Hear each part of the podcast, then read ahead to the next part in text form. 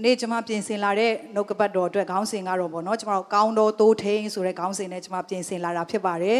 ဆိုတော့ကျမ်းစာထဲမှာကျွန်တော်အားလုံးသိမှာဖြစ်တယ်နော် Sunday School ကတည်းကကျမ်းစာဓမ္မဟောင်းမှာတော်၎င်းဓမ္မသစ်ထဲမှာတော်၎င်းတော်တော်များများမှာဘုရားကသူ့ကိုယ်သူဘာနဲ့နှိုင်းရှင်ပြီးပြောထားလဲဆိုတော့တိုးထိန်အနေနဲ့ပြောတာကိုကျွန်တော်တို့တွေ့ရမှာဖြစ်တယ်ပြီးတော့သူ့ရဲ့လူတွေပေါ့နော်ဓမ္မဟောင်းမှာဆိုဣသရေလလူမျိုးတွေကိုဘုရားကသူ့ရဲ့တိုးတွေလို့ပြောတယ်လို့ပဲဓမ္မသစ်မှာဆိုလဲကျွန်တော်တို့ယုံကြည်သူတွေကို ဖခင်ရဲ့သားသမီးတွေကိုဖခင်ကတိုးနဲ့အမြဲတမ်းနှိုင်းရှင်ထားတာကိုတွေ့ရတာဖြစ်တယ်ဆိုတော့တိုးထိန်လို့ပြောတဲ့ခါတိုင်းမှာယေရှုခရစ်တော်ဖခင်ရဲ့တိုးထိန်ကိုပုံဆောင်တယ်လို့ကျမတို့ဒီယေရှုရဲ့တိုးများဖြစ်တယ်ဆိုတော့ကျမတို့တွေ့ရတာဖြစ်တယ်အထူးသဖြင့်ဒီနေ့ပေါ့နော်ရှင်ယောဟန်ခရစ်ဝင်ကျမ်းအခန်းကြီး30ကိုကျမတို့ဖတ်မယ်ဆိုရင်အစပိုင်းမှာတော်တော်များများကဘာအကြောင်းပဲပြောလဲဆိုတော့နော်တိုးထိန်အကြောင်းပေါ့နော်တိုးထိန်နဲ့တိုးအကြောင်းထိုအရာကိုကျမတို့ယောဟန်30မှာကျမတို့အများကြီးတွေ့ရမှာဖြစ်တယ်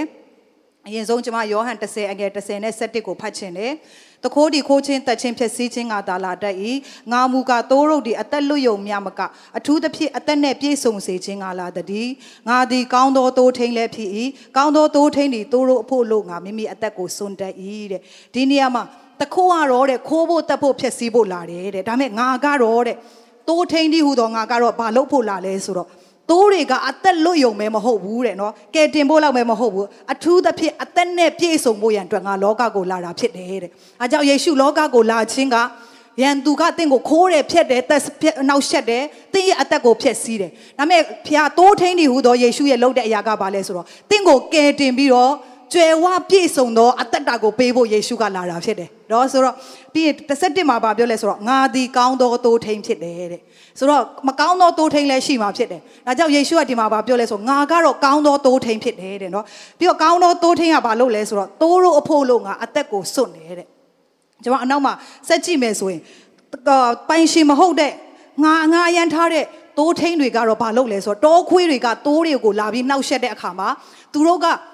တိုးတွေကိုမကာကွယ်တော့ဘဲနဲ့အသက်ဆုမီမကာကွယ်တော့ဘဲနဲ့ဘာလုပ်လဲဆိုသူတို့အသက်အတွက်သူတို့ကတိုးတွေကိုဒီတိုင်းပစ်ထားပြီးတော့နော်ထားခဲ့ပြီးတော့သူတို့ကထွက်ပြေးသွားတယ်တဲ့ဒါပေမဲ့ငါကအဲ့လိုတိုးထိန်မဟုတ်ဘူးတဲ့ဘုရားကနော်တေချာပြောထားတယ်ငါကတော့အာဒုက္ခရောက်သွားတယ်တောခွေးတွေလာတယ်ဝန်ပလွေတွေလာတဲ့ခါမှာဟာဆိုပြီးငါအသက်အတွက်ပဲငါထွက်ပြေးပြီးတော့ငါတိုးတွေကိုထားခဲ့တဲ့တိုးထိန်မျိုးမဟုတ်ဘူးတဲ့ဒီနေရာမှာတိုးထိန်ကငါကဘယ်လိုတိုးလဲဆိုတော့ ငါတိုးတွေကိုငါကာကွယ်ပေးရုံမကားတဲ့အဲ့ဒီတိုးတွေကိုကယ်တင်ဖို့ငါရဲ့အသက်တောင်စွန့်တဲ့တိုးထိန်ဖြစ်တယ်တဲ့ဆိုတော့တိုးတိုးထိန်တော့လူ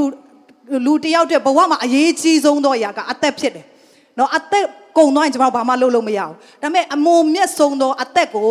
တိုးထိန်ကဘသူတွေအတွက်ပေးလဲဆိုတော့တိုးတွေအတွက်ပေးတာဖြစ်တယ်။ ဒါကြောင့်တိုးထိန်ရဲ့မေတ္တာကဘာလဲဆိုအသက်စွန့်တော်မေတ္တာဖြစ်တယ်။အဲကြောင့်ယေရှုအဲ့ဒီ30မှာကျွန်တော်ဆက်ဖတ်မယ်ဆိုငါကတော့ကောင်းတော်တိုးထိန်ဖြစ်တယ်တဲ့။ငါအသက်ကိုဘယ်သူမှယူတာမဟုတ်ဘူးတဲ့။ငါကငါတိုးတွေကိုငါချစ်လွန်းလို့အသက်ပေးပြီးတော့ငါကဲတင်တဲ့တိုးထိန်ဖြစ်တယ်လို့ဘုရားကပြောထားတာဖြစ်တယ်။ ဆိုတော့ကျွန်တော်ကောင်းသောတိုးထိန်ယေရှုဖခင်ကကောင်းသောတိုးထိန်ဖြစ်တယ်ကျွန်တော်တို့အတွက်เนาะတိုးလို့ပြောတဲ့အခါကိုကိုကိုကျွန်တော်တို့ဒီမှာရှိတော်သူတွေကိုကိုပြောတယ်လို့ခံယူစေခြင်းတယ်ကျွန်တော်တို့ကဖခင်ရဲ့တိုးတွေဖြစ်တယ်အာမင်ယေရှုခရစ်တော်ကကျွန်တော်တို့ရဲ့တိုးထိန်ဖြစ်တယ်ဆိုတော့ယေရှုကဘလို့တိုးလဲဆိုတော့တိုးထိန်လဲဆိုတော့ကောင်းသောတိုးထိန်ဖြစ်တယ်အသက်ဆွန့်ပြီးတော့ချစ်တော်တိုးထိန်ဖြစ်တယ်ဆိုကျွန်တော်ကောင်းသောတိုးထိန်ယေရှုရဲ့အကြောင်းကိုကျွန်တော်ဘယ်နေရာမှာအများကြီးပြန်ပြီးတော့လေ့လာခြင်းလဲဆိုတော့စာလံကျမ်းเนาะ စာလံ23အားလုံးအလွတ်ရတဲ့ကျမ်းပိုက်ဖြစ်တယ်ကျွန်မတို့ Sunday School ကတည်းကအလွတ်ရတဲ့ကျမ်းပိုက်ဖြစ်တယ်ဒါပေမဲ့ကျွန်မကိုယ်တိုင်လည်းဒါအလွတ်ရတယ်ကျွန်မအတွက်ဒီကျမ်းပိုက်ဆိုရင်တိတ်မထူးဆန်းတယ်လို့မျိုးခံစားရတယ်ဒါပေမဲ့ဒီတပတ်ထဲမှာဖခင်ကကျွန်မကိုဒီကျမ်းပိုက်အားဖြင့်ပြန်ပြီးစကားပြောတဲ့အခါမှာအယံခွန်အားရတယ်အဲကြောင့်ဒီနေရာမှာရှိတော်သူများလည်းတော့အာဆာလန်23တိုးထိန်လို့ပြောတဲ့အခါအထူးသဖြင့်ကျွန်တော်ယုံကြည်သူတွေအယံနားရင်နေပြီအဲကြောင့်အာဒါငါတိပြီးသားပါတို့ရိုးဤနေပြီလို့မဟုတ်ပဲနဲ့ အစ်စ်သေးချာနော်နှလုံးသားပြင်ဆင်ပြီးနားထောင်စေခြင်းတယ်အဲဆိုဒီအထဲမှာဖခင်ကတင့်ကိုစကားပြောมาဖြစ်တော့ကြောင့်ဖြစ်တယ်ဒီတင်ဖတ်နေကြပဲတင်အလွတ်ရနေကြဂျမ်းပိုက်ထဲကနေဖခင်ကအစ်စ်စကားပြောနိုင်တော့ဘုရားရှင်ဖြစ်တယ်ယနေ့ကျမကိုပင်လင်ဘုရားကထိုအရာအဖြစ်အများကြီးတည်ဆောက်တယ်ဆိုကောင်းသောတိုးထိန်ကနံပါတ်1ပါလုတ်ပေးလဲဆိုတော့တို့ဒီမှာနော်23တစ်မှာစာလန်ဆရာကဒါဝိဒ်ကပါပြောထားလဲဆိုထာဝရဘုရားဒီငါဤတိုးထိန်ဖြစ်တော်မူ၏ငါသည်စင်းရဲမခံရလို့ပြောထားတယ်ဆိုကောင်းသောတိုးထိန်ကပါလုတ်ပေးလဲဆို ကျမတို့ကိုလိုအပ်သမျှထောက်ပံ့ပေးတော်ဘုရားရှင်ဖြစ်တယ်ဒီနေရာမှာငါဒီစင်းရဲမခံရလို့ပြောတယ်နော်အာဆိုတော့တချို့ဒီကျမ်းစာတွေမှာကြည့်ရခါမှာငါဒီလိုအပ်ချက်မရှိဘူး I have no land ငါမှာကျမ်းငါမှာဘာမှလိုအပ်ချက်မရှိအကုန်ပြည့်စုံတယ်လို့ပြောထားတာ ਨੇ တူတူပဲဖြစ်တယ်ဆိုတော့ဖခင်ကငါရဲ့တိုးထိန်ဖြစ်တဲ့တွဲတဲ့ငါမှာဘာမှလိုအပ်ချက်မရှိဘူးပြောချင်တာကကျမတို့ရဲ့တိုးထိန်ကကျမတို့လိုအပ်သမျှကိုထောက်ပံ့တော့ကြောင်း तू ကဒါကိုကောင်းကောင်းသိရခါမှာငါမှဘာမှလိုအပ်ချက်မရှိဘူးလို့ပြောတာဖြစ်တယ် ဆိုတော့ယနေ့ပထမဆုံးအနေနဲ့ဒီနေ့ဖခင်ရဲ့သိုးတွေเนาะဒီမှာကျွန်တော်တို့ကသိုးတွေထိုင်နေကြတာဖြစ်တယ်။တင်းရဲ့သိုးထင်းကယေရှုဖခင်ဖြစ်တဲ့အခါမှာဖခင်ကဘာပြောလဲဆိုတင့်ကိုငါအားလုံးတာဝန်ယူတဲ့အတွက်တင့်မှာလိုအပ်ချက်မရှိဘူးလို့ကျမ်းစာကပြောထားတာဖြစ်တယ်အာမင်။ဒါဆိုတင်စဉ်းစားနိုင်တယ်အမလေးခုခေတ်ကာလမှာလိုအပ်ချက်ဒီလောက်များနေတဲ့အချိန်မှာဖခင်ရဲ့နှုတ်ကပတ်တော်ကလေကာလတစ်ခုအတွက်ပဲပြည့်စုံတာမဟုတ်ဘူး။ အချိန်တိုင်းမှာဖခင်ရဲ့ဂတိတော်ကမပြောင်းလဲဘူးအချိန်တိုင်းမှာနှုတ်ကပတ်တော်ကမပြောင်းလဲဘူးဒါကြောင့်ဖခင်ကငါဟာကောင်းသောသိုးထိန်ဖြစ်တဲ့အတွက်ငါကငါသိုးတွေကိုလိုအပ်သမျှငါတာဝန်ယူသောဖခင်ဖြစ်တယ်လို့ပြောတဲ့ဖခင်ကယနေ့ထိလည်းတင့်ကိုတာဝန်ယူသောဖခင်ရှင်ဖြစ်တယ်သိုးထိန်ရဲ့တာဝန်ယူခြင်းကနော်ဖခင်ရဲ့တာဝန်ယူခြင်းကဘလောက်တောင်တာဝန်ဆိုသူ့ရဲ့တက်ဆွမ်းနိုင်ခြင်းကအကန့်အသတ်မဲ့ဖြစ်တယ်ဥပမာဖခင်ကသူ့သိုးတွေလို့ခေါ်တဲ့ဣသရေလလူမျိုးတွေကို အဲဂုတုပီကနေခေါ်ထုတ်တဲ့အချိန်မှာသူတို့ဖြတ်တန်းရတဲ့နေရာကဂန္နာရဖြစ်တယ်။ဘာမှစားစရာမရှိသောနေရာဖြစ်တယ်။ဒါမဲ့တိုးထိန်ပီတာတော်ဘုရားကလေကောင်းသောတိုးထိန်ကတိုးထဲမှာသူ့ရဲ့လူတွေကိုလုံးဝမငတ်စေဘူးနော်။လိုအပ်တဲ့ခါမာနမုတ်ချပေးတယ်။ငုံစားခြင်းနဲ့အစားခြင်းတဲ့ခါအမဲသားစားခြင်းနဲ့ကျွေးတယ်ဟာသူ့တိုးတွေကရေစားတယ်လို့ပြောတဲ့ခါမှာငါတိုးထဲမှာဘယ်လိုလုပ်ငါရေပေးနိုင်မလဲမပြောဘူးနော်။သူ့တိုးတွေရေငတ်တဲ့ခါမှာကြောက်ထဲကနေရေကိုထွက်စေတယ် तू ဘယ်လောက်ထိတိုးထိန်ကောင်းလဲနော်ဖခင်တယောက်ရဲ့နှလုံးသားကိုကြည့်အသားသမီးရဲ့အာအဖေဒါလေးစားခြင်းနဲ့ဟမ်ဘာဂါစားခြင်းနဲ့သူ့အတွက်မဖြစ်နိုင်တယ်လို့ရှိပေမဲ့အော်ငါသားဖြစ်တဲ့အတွက်အော်ငါသားရအောင်ဈေးကြီးပေမဲ့ဝယ်ကျွေးမယ်ဘာလို့ဆိုအရန်ချစ်တော့ကြောင့်ဟာအဖေဒါလေးလိုခြင်းနဲ့ဖြည့်ဆည်းပေးတယ်ကောင်းသောတိုးထိန်ကလည်းနော်တိုးတွေတောထဲမှာသွားတဲ့အချိန်မှာအပိုက်ရဲစားတဲ့ဒါစားခြင်းနဲ့ဖြည့်ဆည်းပေးတယ်ရေစားတဲ့တောထဲကနော်တောထဲမှာကြောက်ထဲကနေပြီးတော့ စဉ်းစားကြည့်လိုက်ရေကိုထွက်စေပြီးတော့ထောက်ပံ့တော်ဘုရားရှင်ဖြစ်တယ်။ဟိုမှာအေလိယရဲ့အသက်တာမှာဆိုရင်မိုးခေါင်သောကာလမှာသူဒီစမ်းရည်မှာနော်သူ့ကိုဘုရားကအဲ့ဒီရေကိုတောက်ပြီးအသက်ရှင်စေတယ်။ပြီးတော့သူ့ကိုကြွေးမွေးဖို့တဲ့ဘုရားကနော်မနဲ့ညဘသူ့ကိုစေလို့လဲဆိုတော့ကြီးအားကိုစေလို့တဲ့တဲ့။ကြီးအားကနော်စဉ်းစားကြည့်လိုက်ကျွန်တော်အခုချိန်မှာလက်တွေ့ဟိုတိပိသားဖြစ်တဲ့အတွက်ကျွန်တော်တို့မထူးဆန်းတယ်လို့ဖြစ်ပေမဲ့စဉ်းစားကြည့်တင့်ကိုမနဲ့တစ်ခါညနေတစ်ခါကြီးအားကထမင်းလာပို့မယ်ဆိုတင်ဖြစ်နိုင်မယ်လို့ထင်လား။ ဒါပေမဲ့တကယ်ဖြစ်ခဲ့တာနော်ကျမ်းစာထဲမှာတောထဲမှာမိုးမရွာတဲ့အချိန်ခက်ခဲတဲ့အချိန်အေလိယပုံနေတဲ့အချိန်မှာဘာလုပ်လဲဆိုတော့ဖခင်ကကြီးအကိုစေလွတ်ပြီးတော့ဒံယေလစီကိုတဲ့တဲ့သွားတာနော်အဲ့ကြီးအကသွားပြီးမနဲ့တစ်ခါညတစ်ခါပါပို့လဲဆိုတော့မုံနဲ့အမဲသားကိုပို့တယ်တဲ့ဆိုတော့ဖခင်ရဲ့တက်နိုင်ခြင်းကဖခင်ကတင့်ကိုကြွေးမွေးဖို့ကြီးအကိုတော့ခိုင်းနိုင်တယ်ဖခင်ရှင်ဖြစ်တယ်ဒါကအပေါ်ရမဟုတ်ဘူးကျမ်းစာထဲမှာတကယ်ရှိခဲ့တာဖြစ်တယ်အဲကြောင့်ဖခင်ကသူ့သားသမီးတွေကိုကြွေးမွေးဖို့ဖခင်အတွက်လုံးဝမခက်ခဲဘူး သူ့သားသမီးတွေကိုထောက်ပံ့ဖို့ဖရားရဲ့အရင်မြစ်ကဘယ်တော့မှမကုံဆုံးဘူး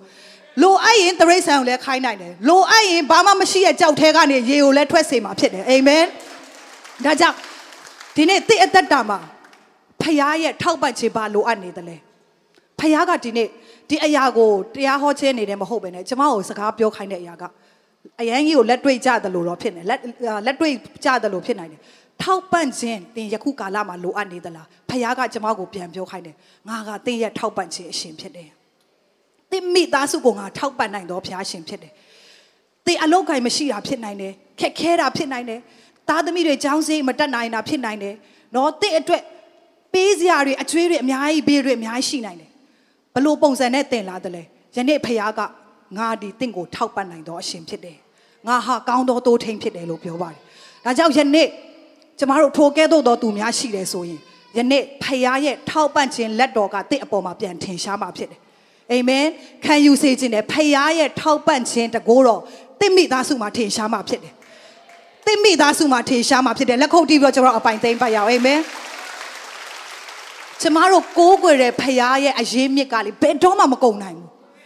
အချိန်နေနဲ့မဆိုင်ဘူးဖခင်ကစီးပွားရေးကောင်းရင်တင့်ကိုပို့ထောက်ပံ့မယ်ဘာတင်လုံနိုင်မဟုတ်ဘူး ခုနပြောတာကြီးအောင်ခိုင်းနိုင်တဲ့ဘုရားရှင်ဒီဘာမှမရှိခြင်းတဲ့ကနေတင့်မိသားစုကိုထောက်ပံ့နိုင်သောဘုရားဖြစ်တယ်အာမင်ကျမတို့ယုံကြည်သူများ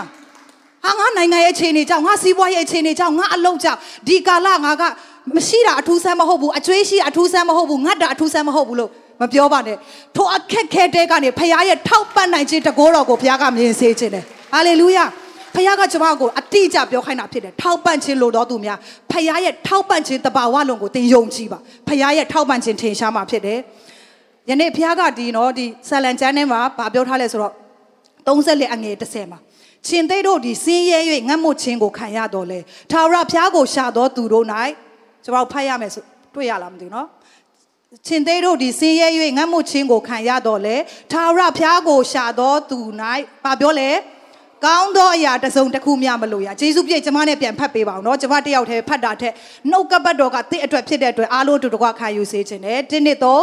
ရှင်သိတို့သည်စင်းရဲ၍ငတ်မွတ်ခြင်းကိုခံရတော်လေထာဝရဘုရားကိုရှာတော်သူ၌ပါပြောလဲဆိုတော့ကောင်းသောအရာတစ်စုံတစ်ခုမျှမလိုဘူးလို့ပြောထားတာဖြစ်တယ်အာမင်ရှင်သိဆိုတာတောပရင်ဖြစ်တယ်သူအတွက်အစားအစာမခက်ဘူးသူက အရန်ကိုအံတန်ပါတယ်အစားရှာနိုင်တယ်ဒါမဲ့အဲ့လိုမျိုးတောဘရင်တောင်မှငတ်မို့ရင်ငတ်မို့မဲတဲ့ငါ့ကိုရှာတော့သူကတော့ကောင်းသောအရာတစ်စုံတစ်ခုများမလိုဘူးလို့ပြောထားတဲ့ဘုရားရှင်ဖြစ်တယ်အာမင်ဒါကဖခင်ပြောတဲ့အရာနော်ယနေ့ယုံကြည်ခြင်းတွေကိုဖွင့်စေခြင်းတယ်ယနေ့ဖခင်ကတင့်အတွက်ကောင်းသောအရာတစ်စုံတစ်ခုများမရှိလောက်တဲ့အထိထောက်ပံ့နိုင်သောဘုရားဖြစ်တယ်ဆိုတာယနေ့တင့်အသက်တာမှာခံယူစေခြင်းတယ်ဒါကြောင့်ယနေ့တင့်အသက်တာမှာ ဘာကဏ္ဍမှာချို့တက်နေလဲကျမ်းမာခြင်းမလားဖခင်ကထောက်ပတ်နိုင်တော့အရှင်ဖြစ်တယ်။တိအတ္တတာမှာငွေကြေးပိုင်းဆိုင်ရာမှာလိုအပ်နေလားဖခင်ကထောက်ပတ်နိုင်တော့အရှင်ဖြစ်တယ်။ဘာကဏ္ဍမှာထောက်ပတ်ခြင်းလိုအပ်တယ်လဲဖခင်ကယနေ့ပြောနေတယ်။ငါကကောင်းသောတိုးထိန်ဖြစ်ပါတယ်။ငါကတတ်နိုင်ပါတယ်။ တိအလုံးအတင်းရဲ့ပြဿနာကိုဖြေရှင်းဖို့ငါအရန်တတ်နိုင်ပါတယ်လို့ဘုရားရှင်ကပြောနေတော့ဘုရားရှင်ဖြစ်တယ်။ယနေ့အချိန်မှာကျွန်တော်တို့ဒီထိုဂတိတော်ကိုကင်ဆွဲရမယ့်အချိန်ဖြစ်တယ်။ဘုရားရဲ့ဂတိတော်တွေကလေဘယ်အချိန်မှာပို့ပြီးပြည့်စုံလဲဆိုမဖြစ်နိုင်တဲ့အချိန်မှာပို့ပြီးပြည့်စုံတာဖြစ်တယ်။တခါလေကျကျွန်တော်တို့ဖြစ်နိုင်တဲ့အချိန်မှာဒီစကားကိုလေအရန်ကိုအစဉ်ပြေတဲ့အချိန်မှာပြောရင်အာမင်ဒါပေမဲ့လုံးဝအခြေအနေမရှိတဲ့အချိန်မှာပြောတော့ပြောတာဘယ်လိုလုပ်ဖြစ်နိုင်မလဲ။ ဖခင်ကမဖြစ်နိုင်သောအချိန်မှာအလုံးလုံးနိုင်သောဘုရားရှင်ဖြစ်တယ်။မဖြစ်နိုင်သောအချိန်တွေမှာမဖြစ်နိုင်သောနီးလန်းတွေကိုသုံးပြီးအလုံးလုံးနိုင်သောဘုရားရှင်ဖြစ်တယ်။အာမင်။ဒါကြောင့်ယနေ့တင့်ပေါ်မှာဖခင်ရဲ့ဂတိတော်ပြည့်စုံမှာဖြစ်တယ်။ယုံကြည်ခြင်းနဲ့လက်ခံသိမ်းပိုက်ရအောင်။ယနေ့ဖခင်ရဲ့ထောက်ပံ့ခြင်းတွေတင့်အသက်တာမှာထင်ရှားယုံတာမကနော်။တင်ဒီပိုရှန်လက်သူတပါလိုအပ်တော်သူများကိုပြင်မျှဝေနိုင်တော်သူဖြစ်ဖို့ဘုရားကတင့်ကိုကောင်းကြီးပေးမှာဖြစ်တယ်။ယနေ့ယုံကြည်တော်သူများယုံကြည်ခြင်းနဲ့အားရပါရလက်ခုပ်တီးပြီးတော့သိမ်းပိုက်ရအောင်။ ဒီကာလတစ်လျှောက်လုံးမှာဖခင်ရဲ့ထောက်ပံ့ခြင်းကိုလိုချင်တော်သူများအားရပါရလက်ခုပ်တီးပါဦးပိုရှန်စွာနဲ့လူတွေကိုတော့ဖြန့်ဝေနိုင်တော်သူဖြစ်ဖို့လက်ခုပ်တီးပါဦးဒါကယုံကြည်ခြင်းဖြစ်တယ်နော်ယုံကြည်ခြင်းဖြစ်တယ်ယုံကြည်ခြင်းကရပြီးတကယ်တော့ယုံကြည်တော်သူများဖြစ်တယ်ဘုရားရှင်ကောင်းကြီးပေးပါစေဖခင်ကလေလိုအပ်သမျှကိုထောက်ပံ့ပေးရုံပဲမဟုတ်ဘူးဖခင်ကလေယခုချိန်မှာကျွန်တော်ပြောပြောနေလမ်းပြောင်းနေတယ်ဘယ်ဆက်လျှောက်ရမှမသိဘူးဒါပေမဲ့စာလံ23မှာဒါဝိဒ်ကပြောလဲဆိုအငယ် နှစ်နဲ့သုံးကိုကျွန်တော်ဖတ်မယ်ဆိုတာယာသောမြစ်နာတို့လမ်းပြတော်မူ၏တဲ့ပြီးတော့ငါဝိငင်ကိုအားဖြည့်၍နာမတော်ဖို့လို့ငါတရားလမ်းထဲ၌သွေးဆောင်တော်မူ၏ဆိုတော့ဖခင်ကကျမတို့ကိုလမ်းပြတော်ဘုရားရှင်ဖြစ်တယ်တိုးထိန်ဆိုတာကလေတိုးတွေရဲ့အရှိမအရင်သွားတာဖြစ်တယ်။เนาะကျွန်တော်ခုနဖတ်တဲ့ယောဟန်30မှာဆိုရင်ဗာပြောထားလဲဆိုတော့တိုးတွေကိုနာမည်နဲ့ခေါ်ထုတ်တယ်တဲ့။ဆိုတော့ကျွန်တော်တိုးထိန်ကတင့်ကိုနာမည်နဲ့တည်တော်ဘုရားရှင်ဖြစ်တယ်။ကျွန်တော်ဒီထဲမှာတော့အကုန်လုံးခုနဆရာမေးလက်ခါမှာเนาะကျွန်တော်3 4ယောက်တောင်နာမည်မမှတ်မိဘူး။ တယောက်နှစ်ယောက်ပဲကျွန်တော်တို့သိတယ်ဒါပေမဲ့သိုးထိန်ကတော့သိုးတွေဘလောက်များပါစေနာမည်နဲ့အတိအကျသိတော့သိုးထိန်ဖြစ်တယ်နာမည်နဲ့တကွာတင့်ကိုခေါ်ထုတ်တော့ဘုရားရှင်ဖြစ်တယ်ယနေ့ဒီနေရာမှာဘုရားမသိတဲ့နာမည်တယောက်မှမရှိဘူးတင့်ကိုနာမည်နဲ့သိတော့ဘုရားရှင်တင့်နာမည်နဲ့တင့်ကိုခေါ်ထုတ်တော့ဘုရားရှင်ဖြစ်တယ်ခေါ်ထုတ်ရုံတမှာသူကဘာပြောလဲဆိုတော့ဟာနေအရှိကသွားအခြေအနေကောင်းမှငါလိုက်မယ်မဟုတ်ဘူးနော်တချို့တွေကလေအခြေအနေမကောင်းရင်တချို့လူအရင်သွားခိုင်းပြီးအခြေအနေချိပြီးမှကောင်းမှလိုက်တယ်တိုးထိန်ကအဲ့လိုမဟုတ်ဘူးသူကိုယ်တိုင်အရှိကနေသွားတာဖြစ်တယ် အာမင်သစ်ရှိကနေတိုးထင်းကအရင်သွားတယ်ပြီးတော့တိုးတွေကတဲ့သူ့အတန်ကိုသိရအတွက်သူ့နောက်ကိုလိုက်တယ်တဲ့ထိုအရာကဘာကိုပြောလဲဆိုတော့တိုးထင်းတဲ့တိုးတွေရဲ့ရင်းနှီးမှုကိုပြောတာဖြစ်တယ် ကျမတို့လူတယောက်နဲ့ရင်းနှီးလာတဲ့ခါမှာအဲ့ဒီလူမျက်နှာမမြင်ရင်တောင်မှသူ့အတန်ကြားတာနဲ့ဟာဒါတော့ဘသူပဲချက်ချင်းသိတယ်နော်လေကားတက်လာတာနဲ့ဟာဒီခြေတန်းတော့ဘသူ့တန်ပဲသူ့ခြေတန်းအဲ့လိုမျိုးသူ့စကားအဲ့လိုမျိုးကျမတို့မှတ်မိတယ်ဒါကဘာဖြစ်ဆိုရင်းနှီးမှုပေါ်မှာသူတို့တွေတိလာတာဖြစ်တယ်ဒီမှာလဲတိုးထိန်နဲ့တိုးကဘလောက်ထိရင်းနှီးလဲဆိုတိုးထိန်အတန်ကြားတာနဲ့တိုးတွေကချက်ချင်းသိတယ်တဲ့သူ့နောက်ကိုလိုက်တယ်တခြားတစ်စိမ်းနောက်ကိုမလိုက်သွားဘူးတဲ့ဒီအရာကိုပြောတဲ့ခါမှာတော့ကျွန်မကြားဘူးတဲ့ဆရာတယောက်ပြောတဲ့ဥပမာလေးကိုအရန်ခွန်အားရတယ်ဆရာတယောက်ကဘာပြောလဲဆိုတော့ အာသူ့ကိုတဲ့ဒီအစ္စရေးဘောနော်ဂျူးနိုင်ငံမှာသူ့ဒီတိုးထိန်တဲ့နေရာမှာသူ့တငယ်ချင်းတွေကခေါ်သွားတယ်တဲ့အဲ့ဒီမှာသူ့တငယ်ချင်းတိုးထိန်အဲ့မှာတိုးအဲ့ဒီအရန်တာရတဲ့နေရာကိုသူတို့ကအဲ့ဒီနေမှာစုပြီးသွားရတာအဲ့မှာသူပဲမဟုတ်ပဲနဲ့တခြားတိုးထိန်တွေနဲ့သူတို့ရဲ့တိုးတွေပါအများကြီးပဲတဲ့ဘလောက်တောင်များလဲဆိုတော့ သူခံမှန်းတာ15000ကနေ2000လောက်တောင်ရှိမယ်တဲ့အများကြီးပဲတဲ့တိုးတွေတိုးထိန်တွေကလည်းအများကြီးပဲအဲ့မှာအာဆူပြီးတော့တကယ်စက်ချက်ပါသူတို့ထားကြတယ်ပြီးလဲပြောညပြန်သွားမဲ့အချိန်မှာတဲ့သူတို့ကတော့မပြန်သေးဘူးတိုးထိန်တခြားသူတငယ်ချင်းတွေကဟာငါပြန်ရမှာအရန်ဝေးတဲ့အတွက်ငါအရင်ပြန်မယ်နော်ဆိုပြီးတော့တိုးထိန်တယောက်ကပြောပြီးတာနဲ့အတန်လေးပေးလိုက်တယ်တဲ့သူ့တိုးတွေကိုသူ့ရဲ့အတန်ပုံသူပေးနေကြအတန်အဲ့မှာအဲ့လောက်များနေတဲ့တိုးရှုပ်ချက်ခတ်နေတဲ့ထဲမှာအဲ့ဒီအတန်ကိုလည်းကြားရောအဲ့ဒီအုပ်စုတွေကနေတိုးတချို့ကထွက်သွားပြီးသူ့နောက်ကိုလိုက်သွားတယ်တဲ့ အဲ့ဒီတိုးတွေကဘယ်သူတွေလဲဆိုသူ့ရဲ့တိုးတွေဖြစ်နေတာဆိုဒီလိုအရန်များနေပေမဲ့အဲ့ဒီတိုးတွေလိုက်သွားအဲ့နဲ့နောက်တစ်ဖွဲ့လည်းပြန်မဲဆိုသူ့အတန်တစ်မျိုးပေါ့နော်တိုးထိန်နဲ့တိုးတွေတီးတဲ့အတန်ပေးလိုက်တဲ့အခါအဲ့လိုပဲအုပ်စုလိုက်အုပ်စုလိုက်ထွက်သွားတယ်နောက်ဆုံးမှသူတို့အဖွဲ့ပဲကျန်တယ်အဲ့နဲ့သူ့တငယ်ချင်းကလည်းအတန်ပေးတဲ့အချိန်မှာသူ့တိုးတွေကရောက်လာတယ်အဲ့နဲ့ तू အရန်အံ့ဩပြီးတော့နော်ပြန်ချိတဲ့ခါမှာ ဟာဘသူတိုးနောက်တိုးထိန်နောက်ကိုတိုးကမှားပြီးလိုက်တယ်ဆိုတာလည်းမရှိဘူးကြံခဲ့တယ်ဆိုတာလည်းမရှိဘဲနဲ့အဲ့လောက်များတဲ့တိုးတွေကသူတို့ရဲ့မှန်ကန်တော့တိုးနောက်ကိုလိုက်သွားတယ်ဆိုတော့တွေ့ရခါမှာဖခင်ကအဲ့ဒါကိုဥပမာပေးတယ်ပို့ပြီးနားလေတယ်လို့ကျွန်တော်တို့ဖွင့်ပြောတဲ့ခါကျွန်မအရန်ခေါ်အားရတယ်ဒါကြောင့်ဖခင်ကယေရှုကအဲ့ဒါကိုသိတဲ့ခါမှာဗာပြောလဲငါတိုးတွေကငါအတန်ကိုသိတယ်အဲ့ဒီအတန်နောက်ကိုပဲလိုက်တယ်ယခုချိန်မှာကျွန်တော်အတန်တွေအရန်များပါတယ်နော်လောကအတန်တွေအရန်များတယ်တင်တင်းရဲ့တိုးထင်းအတန်ကိုရောရင်းနေရလား တိုးထင်းအတန်ကိုတင်ရင်းနေတော့လမ်းပြောက်เสียမရှိဘူးအဲဆိုတိုးထင်းကငါလမ်းပြမယ်လို့ဂတိပေးပြီးသားဖြစ်တယ်နော်အာကျမတို့တိုးထင်းကဘယ်တော့မှကျမတို့ကိုမစွန့်ခဲ့ဘူးတင်းရှိကနေငါသွားမယ်တင်းကိုငါလမ်းပြမယ်လို့ပြောတဲ့ဘုရားရှင်ဖြစ်တယ်ပြီးတော့ဘယ်လမ်းကိုခေါ်သွားမလဲဆိုတော့စိမ့်လန်းသောချက်စားရရဲတဲ့ပြီးတော့ตาရသောမျက်နာပြီးတော့ထရားလန်းထဲမှာတင့်ကိုတွေးဆောင်မယ်တဲ့ ကျမအရင်တော့စိမ့်လန်းသောချက်စားရအရက်လုံးမျက်လုံးထဲမှာမြင်တဲ့ခါပေါ့လက်ကိုကဒီမှာနေတော့ခါတိတ်မသိတော့အရန်စိမ့်ဆိုနေတဲ့အာလှပတဲ့နေရာမှာအတိုးတွေနေတယ်လို့ထင်တာဒါပေမဲ့တကယ်ကိုနော်ဟိုကျမပြန်သိတဲ့အချိန်မှာအဲ့လိုမျိုးမဟုတ်ပဲနဲ့ဟိုတိုးတွေကအဲ့ဒီမှာအစ္စရေးမှာဆိုတကယ်ကိုတွေးချောက်တော့နေရဖြစ်တယ်အဲ့ခါမှာအရန်စိမ့်တဲ့နေရာမများဘူးတဲ့ကြောက်ကဘာတွေအရန်ကိုတွေးချောက်တယ်အဲ့ဒါကိုတိုးထင်းကအဲ့ဒီဂျားတွေကနေပြီးတော့တချို့တနေရာမှာအဲ့လိုစိမ့်နေတဲ့အ ပင်လေးတွေရှိတယ်ပြီးရေလဲဂန္ဓာရဖြစ်တဲ့အတွက်အရန်ရှားပါတယ်နော်အဲ့ဒီဂျူးနိုင်ငံမှာဒါပေမဲ့အဲ့ဒီစမ်းရည်ရှိတဲ့အရက်ကိုတိုးထင်းကသူအရင်ရှားပြီးတော့အဲ့ဒီနေရာကိုခေါ်သွားတာလို့ပြောတဲ့ခါမှာအော်အဲ့လိုမျိုးလားဆိုကျွန်မပြန်ပြီးသဘောပေါက်တယ်ဒါကြောင့်အော်ဒီမှာတိုးတွေကလည်းချိလိုက်တာနဲ့ဟာစိမ့်ဆိုးနေရပဲတော့အဲ့လိုမဟုတ်ဘူးတိုးဂန္ဓာရထဲမှာခက်ခဲတဲ့ရေကြားထဲမှာတိုးထင်းကဘယ်မှာရေရှိလဲဆိုတာကောင်းကောင်းသိတယ် ဘယ်မှာသူတို့အတွက်စားစရာစိမ့်နေတာရှိလဲဆိုတာသိတဲ့အခါမှာအဲ့ဒီနေရာကိုသူကဥဆောင်ပြီးခေါ်သွားတာဖြစ်တယ်။အဲကြောင့်ဖခင်ကလေတင့်ကိုခေါ်ဆောင်သွားတဲ့အခါမှာတင့်ထက်ဖခင်ကဘယ်နေရာမှာရေရှိလဲဆိုတာတင့်ထက်သိတော့ဖခင်ရှင်ဖြစ်တယ်။တိုးထင်းကလမ်းကျွမ်းသောဖခင်ရှင်ဖြစ်တယ်။တင့်ရဲ့ဘေးကလူကိုပြောပါအောင်ယေရှုကငါတို့ထက်ပိုလမ်းကျွမ်းပါတယ်လို့ပြန်ပြောပေးပါ။အာမင်။တချို့ကယေရှုသိစိတ်မချဘူးကိုယ်တိုင်ရှာခြင်းတယ်နော်။ဘယ်မှာစိမ့်လဲဘယ်မှာဘာဖြစ်လဲ။ယေရှုကကောင်းကောင်းလမ်းကိုကျွမ်းတော်ဖခင်ဖြစ်တယ်။ ဒါကြောင့်သင်ယေရှုနောက်ကိုလိုက်ရင်လမ်းပြောက်เสียမရှိဘူး။ဘယ်အချိန်မှာဘာလုပ်ရမယ်ဘယ်အချိန်မှာထိုင်ရမယ်ထားရမယ်အကုန်လုံးကိုကြိုသိတော်ဖခင်ရှင်ဖြစ်တယ်။သင်အရှိကအကုန်ကြိုသိတဲ့အခါမှာသူ့နောက်ကိုလိုက်ရင်သင်ဒီလမ်းမားเสียမရှိဘူး။လမ်းပြောက်เสียလည်းမရှိဘူး။အလိမ်ညာခံရเสียအကြောင်းလည်းမရှိဘူး။သူကသင်ကိုကွယ်ကာယုံတာမကတာယာသောမျက်နာကိုပို့ဆောင်มาဖြစ်တယ်။ပြီးဖြောင်းမချင်းလန်းထဲမှာခေါ်ဆောင်တယ်တဲ့။ဖခင်ကကျမတို့ကိုခေါ်ဆောင်တဲ့အခါမှာကျမတို့ရဲ့ဝိညာဉ်ဖြောင်းမချင်းလန်းတွေကိုအမြဲတမ်းခေါ်ဆောင်။ တခါလေကျရင်တော့ကျမတို့ကကိုသွားချင်တဲ့လမ်းရှိတယ်ခုနဂုံတော်ချင်းမွန်းသွားတဲ့ကိုပြောတယ်လို့ပေါ့နော်ကိုသွားချင်တာကိုအကောင်းဆုံးလို့ထင်တာရှိတယ်ဒါပေမဲ့ယေရှုဖခင်ကတော့မဟုတ်ဘူးဒီလမ်းကိုတင်သွားရင်ငါတင့်အတွက်အကောင်းဆုံးဟိုမှာစိမ့်နေရတယ်အများကြီးနော်နင်တောက်စရာရည်တွေအများကြီးပဲအခုနင်သွားတဲ့နေရာမှာဘာမှမရှိဘူးလို့ကျမတို့ကိုပြောနေတယ်။အမေကျမတို့ကမဟုတ်ဘူးဒီဘက်သွားချင်းတယ်။ကျမတို့ Sunday School မှာလည်းသင်ရတယ်အဲ့လိုဒီတိုးထိန်ကောင်းအကြောင်းပေါ့နော်။ တခါလေကျတိုးတွေကလေတိုးထိန်သွားတဲ့နောက်မဟုတ်ပဲနဲ့ကြံတဲ့နေရာကိုရမ်းသွားခြင်းတယ်သွားရင်လည်းဘယ်ရောက်သွားလဲဆိုကြောက်ကဘာအောက်ကိုပြုတ်ချသွားတော့မှပဲသူဒုက္ခရောက်မှပဲအော်တိုးထိန်နောက်ကိုလိုက်တာအကောင်းဆုံးလို့သိသွားတဲ့အချိန်ရှိတယ်ယနေ့ကျမတို့ကိုလည်းဖျားရှင်ကဖြောင်းမချင်းတန်းထဲမှာခေါ်ဆောင်တဲ့အချိန်ဖြစ်တယ်ဆိုတော့ယနေ့တင်ဒီထိုကဲ့သို့တော့မကောင်းသော အတန်တွေအများကြီးရှိတဲ့ကာလစိတ်တက်ကြစရာအတန်တွေအဲ့ဒီနောက်ကိုတင်လိုက်သွားရင်တော့တင်စိတ်တက်ကြမှာဖြစ်တယ်။ဒါကြောင့်ယနေ့ကိုကိုကိုပြန်ဆန်းစစ်စေခြင်းတယ်။လောကမှာအတန်အများကြီးရှိတယ်။ယနေ့ဘယ်အတန်နောက်ကိုငါလိုက်နေသလဲ။ငါရဲ့တိုးထိတ်အတန်နောက်ကိုငါလိုက်နေရလား။သစိမ်းအတန်နောက်ကိုလိုက်နေရလားပေါ့နော်။ တိုးထိတ်အတန်နောက်ကိုလိုက်ဖို့ကတော့တိုးထိတ်နဲ့ရင်းနှီးလာတယ်ဆိုတင်ရင်းနှီးလာလေတိုးထိတ်အတန်ကိုပို့ပြီးနားလဲလာလေဖြစ်လိမ့်မယ်။တချို့ကဘာမှမကြားဘူးဘာဆက်လို့မှမသိဘူး။ဒါဆိုဘုရားနဲ့စကားပြောချီပါ။တိုးထိတ်နဲ့တင်ရင်းနှီးလာလေသူ့ရဲ့အတန်ကိုပို့ပြီးသိလာမှာဖြစ်တယ်။တချို့ကြတော့เนาะကျွန်တော်တိုးထိန်နောက်ကိုလိုက်နေတာပဲဖះအတန်ကြားလို့လုံနေရပဲတွားရင်းနဲ့လမ်းပြောက်တယ်လို့ခံစားတဲ့လူလည်းရှိတယ်เนาะကျွန်တော်ကိုယ်တိုင်တော့တွားနေကိုတော့ကိုတော့ပို့တဲ့လမ်းပဲလေ တွားတာပဲဥမာကိုတော့မပို့တဲ့လမ်းလျှောက်သွားတာလည်းမဟုတ်ဘူးကိုတော့ပို့တဲ့လမ်းတွားနေရတွားရင်တွားနေလမ်းအဆုံးသွားတယ်တွားရင်တွားနေဘာမှမမြင်ရတော့ဘူးလမ်းပြောက်တယ်လို့ခံစားတယ်အဲ့လိုမျိုးခံစားနေတဲ့လူဒီနေရာမှာရှိလားတော့မသိဘူးကျွန်မတော့အဲ့လိုမျိုးခံစားဘူးတယ်အဲ့ခါမှာမေးခွန်းတွေများလာတယ်ကိုတော့ကျမကိုရိုနာကိုလိုက်တာနော်အခုကဘလို့ဖြစ်သွားလဲဘယ်မှာလဲလမ်းတွေကိုတော့လမ်းပိတ်သွားပြီကိုရောလမ်းမားသွားတာလားကိုရောကျမကိုမှားပြီးများခေါ်မိတာလားကိုရောလမ်းမရှိတော့ဘူးကျမတို့အဲ့လိုမျိုးစဉ်းစားပြီးတော့ ဖယားကိုမေးခွန်းထုတ်တဲ့အချိန်ရှိတတ်တယ်ဒါပေမဲ့မောရှေနဲ့ဣသရေလလူမျိုးတွေကိုကြည့်မယ်ဆိုရင်အေဂုတုပြည်ကနေခေါ်ထုတ်တဲ့အချိန်မှာသွားမဲ့လမ်းကိုရွေးတော်သူကဖယားဖြစ်တယ်လမ်းပြတော်သူကဖျားဖြစ်တယ်ဣသရေလလူမျိုးတွေကိုဒါပေမဲ့ဖျားပြတဲ့လမ်းသွားနေရင်းနဲ့ပဲအရှိမပင်လယ်နေနဲ့တွေ့ရတယ်သွားစရာလမ်းဘာမှမရှိတော့ဘူး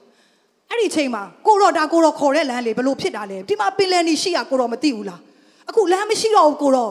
ဣသရေလလူမျိုးတွေကျမတို့လိုပဲချက်ချင်းမေးခွန်းထုတ်တယ်နော် ပိုဆိုးတာအနောက်ကရန်သူကလိုက်လာသေးတယ်တကယ်ရတဲ့အဲ့ဒီခီးစင်ကိုသွားမယ်ဆိုတခြားလမ်းကြောင်းနဲ့သွားမယ်ဆို17ရက်နယ်နဲ့ရောက်နိုင်တဲ့လမ်းကြောင်းရှိတယ်ဒါပေမဲ့ဘုရားအဲ့ဒီလမ်းကိုမခေါ်ဘူးအဲ့ဒီပင်လယ်ရှိတဲ့ပိတ်နေတဲ့လမ်းအောင်မှာခေါ်တာဟာကိုတော်ဒီညာတော့လဲလဲလို့သွားပြီကျွန်တော်နဲ့ကျွန်တော်သွားရင်တော့ရောက်နေလောက်ပြီအခုကိုတော့နောက်လိုက်ကမှလမ်းပိတ်သွားပြီမေကွန်းထုတ်เสียရှိတယ်ယနေ့တစ်အသက်တာမှာအဲ့လိုမျိုးခံစားနေရသလားဖခင်ကယေရမိ29 7မှာပြောလဲဆိုငါဟာတဲ့ တင်တို့ကိုအကျိုးနဲစေခြင်းကကြံစီတော့အကြံတစ်ခုမှမရှိပါဘူးလို့ဘုရားကပြောတာဖြစ်တယ်တင်တို့ဒီမျော်လင့်သောအကျိုးကိုရမည်အကြောင်းငြိမ်ဝဖို့ပဲငါအမြဲတမ်းကြံစီတဲ့ဘုရားရှင်ဖြစ်တယ်လို့ဘုရားကပြောတာဖြစ်တယ်ဘုရားကသစ္စာရှိတဲ့ဘုရားနော်ဘယ်တော့မှမလိမ်ဘူးအချိန်ကြီးကောင်းရင်စကလုံးကိုဟိုလက်ဒီလက်ပြောတတ်တဲ့ဘုရားရှင်မဟုတ်ဘူးဖခင်ကတင့်ကိုအသက်တောင်ပေးပြီးချစ်မှတော့တင်ပျက်စီးဖို့ဘယ်တော့မှကြံစီမှာလဲတင့်ကိုဘယ်လိုလုပ်လမ်းမားတဲ့ကိုခေါ်ဆောင်မှာလဲတင့်ကိုဘာလို့လိန်ညာမှာလဲ ထိုဖခင်ကငါဟာတစ္ဆာရှိသောဘုရားရှင်ဖြစ်တယ်အသက်တောင်ပေးပြီးတော့တင့်ကိုရွေးနှုတ်တဲ့ဘုရားရှင်ကတင့်အတွက်ဘယ်တော့မှဘယ်တော့မှမကောင်းတာမကြံစီဘူးကျွန်တော်အားလုံးပြောရအောင်ဘယ်တော့မှနောက်တစ်ခေါက်ပြောပေးပါအောင်ဘယ်တော့မှဘယ်တော့မှကိုဘေးကလူကိုပြောပါအောင်ဘယ်တော့မှဘုရားကတင့်အတွက်မကောင်းတာမကြံစီဘူး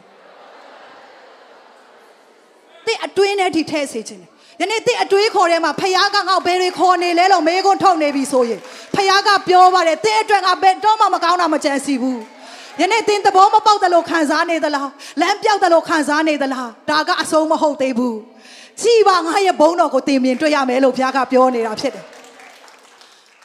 မေကွန်းထုံနေကြပြီဣသရေလလူမျိုးတွေကကိုရောလမ်းပိတ်ပြီးပင်လယ်နေဘယ်လိုလုပ်ပင်လယ်နေအဲ့ဒီအချိန်မှာတင်းဘောတွေဘာမရှိရကိုရောဘယ်လိုလုပ်သွားမလဲလေမမရှိတာဘယ်လိုကူးရမှလဲတရားမရှိဘူး ဖခင်ကကြီးရှုလို့ငါရဲ့ဘုန်းတော်ကိုသင်မြင်တွေ့ရမယ်ဖခင်ရှိမှမဖြစ်နိုင်ခြင်းတကားတွေပွင့်လာပြီးတော့ဒီပင်လယ်နေတခါမှမဖြစ်ဘူးတဲ့ပင်လယ်နေနဲ့ချမ်းကွဲပြီးသူတို့ဂျားထဲမှာလမ်းလျှောက်ရတယ်ဖခင်ပိုးတဲ့လမ်းကိုတင်သွားတယ်ဆိုရင်လေပိတ်နေရင်တော့မှဖခင်ကတကားကိုဖွင့်ပေးမယ်ဖခင်ရှင်ဖြစ်တယ်တခါမှမရှိတဲ့လမ်းကိုဖွင့်ပေးနိုင်တော့ဘုရားကကျွန်တော်ကိုးကွယ်တော်ဘုရားဖြစ်တယ်။ဒါကြောင့်ကျမ်းစာထဲမှာဘုရားကပြောထားလဲ way maker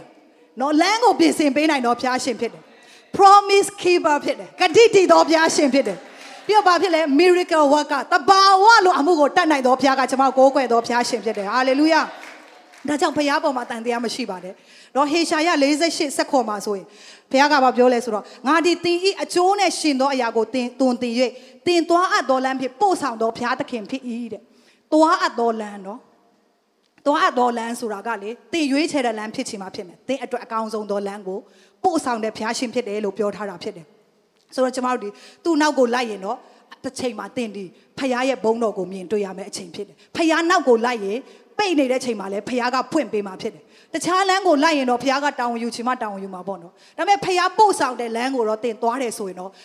တင်ဘယ်တော့မှလမ်းမမှာမဟုတ်ဘူးတကယ်လို့များတင်ဒီဖခင်ပို့တဲ့လမ်းကိုမလျှောက်ပဲနဲ့ တင်ကောင်းမဲ့ထင်တဲ့အရာရှောက်ခဲ့တယ်။မှန်မဲ့ထင်တဲ့အရာရှောက်ခဲ့တယ်။ဒါမှမဟုတ်တခြားအတန်ကပုံမှန်ပြီးထင်လို့တင်လိုက်ခဲ့တယ်ဆိုရင်တော့မှတင်လဲကြနေရင်လေဖခင်ကဘယ်တော့မှမစွန့်ပစ်ဘူးနော်။ထိုကဲ့သို့သောအခြေအနေရှိတယ်ဆိုရင်ကျမတို့ကိုးကွယ်သောတိုးထင်းက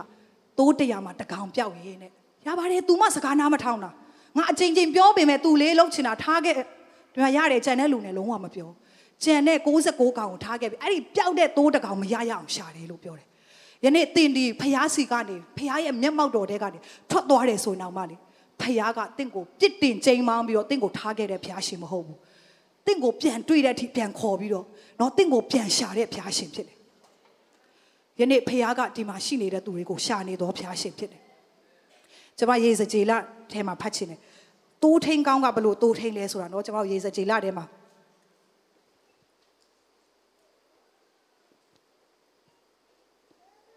ရေစကြည်လ 34အငယ်17စနစ်မှာအရှင်ထာဝရဘုရားမိန်တော်မူဒီကငါဒီကိုယ်တိုင်လိုက်၍ငါတို့တို့ကိုရှာမိဟုတ်ပြီအတူတကွာဖတ်ရအောင်။ကွဲပြားလျက်ရှိသောမိမိသိုးရုပ်တွေတိုးထိန်ရောက်သောအခါကြိုးစား၍ရှာတကဲ့သို့ငါဒီလဲငါသိုးရုပ်ကိုကြိုးစား၍ရှာမည်။မိုးအုံ၍မိုက်သောနေ့၌သူတို့ကွဲပြားသောအရရက်တို့ထဲကငါနှုတ်ဆောင်မည်။ဒီအရာကိုဖတ်တဲ့အခါမှာလေ ကျမ်းစာတွေကရှိသောအရာကိုဖတ်တာမဟုတ်အဲ့လိုမျိုးသဘောမထားဘဲနဲ့ဒီနေရာမှာတင့်ကိုဘုရားကရှာတယ်လို့ဖတ်စေခြင်းဒါကြောင့်အရှင်သာဝရဘုရားကငါဟာတဲ့ကိုယ်တိုင်ငါတူတွေကိုငါရှာမယ်နော် तू ကလူတွေတောင်တိတ်စိတ် तू လူတွေနဲ့ပဲလွဲတာကိုအားမရဘူးငါကိုယ်တိုင်ရှာမယ်တဲ့ယနေ့ယေရှုဖခင်ကကျမတို့ကိုပျောက်တယ်ဆိုကိုယ်တိုင်ရှာမဲ့ဖခင်ရှင်ဖြစ်တယ် ကွဲပြားလျက်ရှိတော့မိမိသိုးတို့တင်သိုးထိန်ရောက်တော့အခါစ조사ပြီးရှာတကယ်သိုးတဲ့ငါဒီလဲငါသိုးတို့ကိုရတယ်ခဏလေးရှာကြည့်မယ်မတွေ့ရင်ရက်လိုက်မယ်မပြောဘဲနဲ့ဘာပြောလဲစ조사၍ရှာမည်တင့်ကိုယေရှုဖခင်ကစ조사ပြီးကိုရှာတဲ့ဖခင်ရှင်ဖြစ်တယ်ပြီးတော့ငါဒီမိုးအုံတော်မိုးအုံရိပ်မိုက်သောနေ့၌သူတို့ကွဲပြားရအရရက်ထဲကငါနှုတ်ဆောင်ပြီမိုးရီအုံနေတယ်မောင်မိုက်နေတယ်မိုးရီရွာမယ်အချင်းတွေဘလို့ပဲရှိပါစေဖခင်ကတင့်ကို မတွေ့တွေ့အောင်မတွေ့မချင်းရှာပြီးတော့တင့်ကိုကယ်တင်မဲ့ဖခင်ရှင်ဖြစ်တယ်ဟာလေလုယာဖခင်ရဲ့မေတ္တာဘလောက်ထိကြီးမားလဲတယောက်တည်းကျမတို့ကိုယ်တိုင်နာမှတခုခုလောက်တဲ့ခါမှာဟာဒီတယောက်လေးနဲ့ဒါမှမဟုတ်ဒီပစ္စည်းတစ်ခုလေးနဲ့အချိန်မကုန်စေချင်တော့ဘူးဆက်သွားရအောင်ကျမတို့ပြောတတ်တယ်ယေရှုဖျားတော့မဟုတ်ဘူးမဖြစ်ဘူးငါ तू မပါလို့မဖြစ်ဘူးငါဆက်သွားလို့မဖြစ်သေးဘူးသူ့ကိုငါရင်ရှာရအောင်မယ်မိုးတွေရွာပါစေမိုးတွေအုံပါစေမုန်တိုင်းတွေပြင်းထန်ပါစေငါသူဒုက္ခရောက်နေမယ်မုန်တိုင်းကြားထဲမှာ तू ဒုက္ခရောက်နေမယ်အရန်ကြောက်နေမှာမိုးတွေရွာတဲ့နေရာမှာငါ तू ကမိုးရေတွေစိုးနေမှာငါမတွေ့တွေ့အောင်ရှာမယ်လို့ပြောတဲ့ယေရှုဖျားရှင်ဖြစ်တယ်ယနေ့ကျွန်မတို့ဒီတပတ်မှာဖျားဆူတောင်းတဲ့ခါမှာလေဖျားကထို့တော့တော့သူအများကြီးရှိတယ်ဆိုတော့ကျွန်မတို့ဖွင့်ပြတယ်တချို့သိုးတွေကတဲ့သူတို့မှန်တယ်ထင်တဲ့အတန်ဒါမှမဟုတ်သူတို့ကိုဂတိပေးတဲ့မှားယွင်းသောအတန်နောက်နော်လောကရဲ့ဂတိတွေနောက်ကိုလိုက်ရင်းနေတဲ့သူတို့လမ်းပြောင်းနေကြပြီတဲ့ သူတို့လမ်းမကိုရောက်နေကြပြီသူတို့ကိုအကောင်းဆုံးတောင်းယူမယ်လို့ထင်တဲ့အရာတွေဂတိပေးတဲ့လူတွေကသူတို့ကိုတစ္ဆာဖောက်ခြင်းခံရတယ်မတရားပြုတ်ခြင်းတွေခံရတယ်သူတို့ဘဝသူတို့ရဲ့ငွေကြေးသူတို့ရဲ့အချိန်တွေအလွဲသုံးစားလုပ်ခံရတယ်အလိန်ခံရတဲ့ငါတိုးတွေအများကြီးရှိတယ်တဲ့ဖះပြောတဲ့ခါကျမအရန်မျက်ရည်ကျတဲ့အထိဖះကသူ့နှလုံးသားကိုကျမအထဲမှာထည့်ပေးတဲ့ခါမှာလေ အရန်ခံစားရတယ်ဖះရဲ့တိုးတွေဒီနေရာမှာထိုင်တော်သူတွေဘယ်နှစ်ယောက်ကအလွဲသုံးစားလှုပ်ဆောင်ခြင်းခံခဲ့ရတယ်လဲတင်အရန်စိတ်ချတယ်လို့ထင်ထားတဲ့လူကတင့်ကိုတစ္ဆာဖောက်တာခံနေရသလားလိန်ညာလိန်ညာချင်းခံနေရသလားတင်းဘဝကိုရိုက်ချိုးခံရပြီးတော့တင့်ကိုဒဏ်ရာတွေနဲ့ထားခဲ့ပြီးတော့တင့်ကိုတော့လှဲ့မကြည့်တော့ဘဲနဲ့ထွက်သွားခြင်းကိုခံရသလားထိုကဲ့သို့တော့သူရှိတယ်ဆိုရင် ယနေ့ထိုသူဟာတင်ဖြစ်တယ်ဆိုရင်ကျွန်မပြောချင်တယ်ယေရှုဖခင်ကကောင်းကောင်းနားလဲတော်ဖခင်ရှင်ဖြစ်တယ်ယနေ့ဖခင်ကဘာပြောဆိုငါကသူ့ရဲ့အနာကိုပြန်စီးပေးမယ်တဲ့ငါသူ့ကိုမရရအောင်ရှာပြီးတော့သူ့ရဲ့အနာကိုပြန်စီးပြီးတော့ငါကုသပေးမယ်တဲ့ကျွန်တော်ရေစကြေလအခန်းကြီး34အငယ်16ကိုပြပေးပါအောင်ယေရှုပြုအားလုံးအတူတကွရှာရအောင်အဲဖတ်ရအောင်ပျောက်တော်သူကို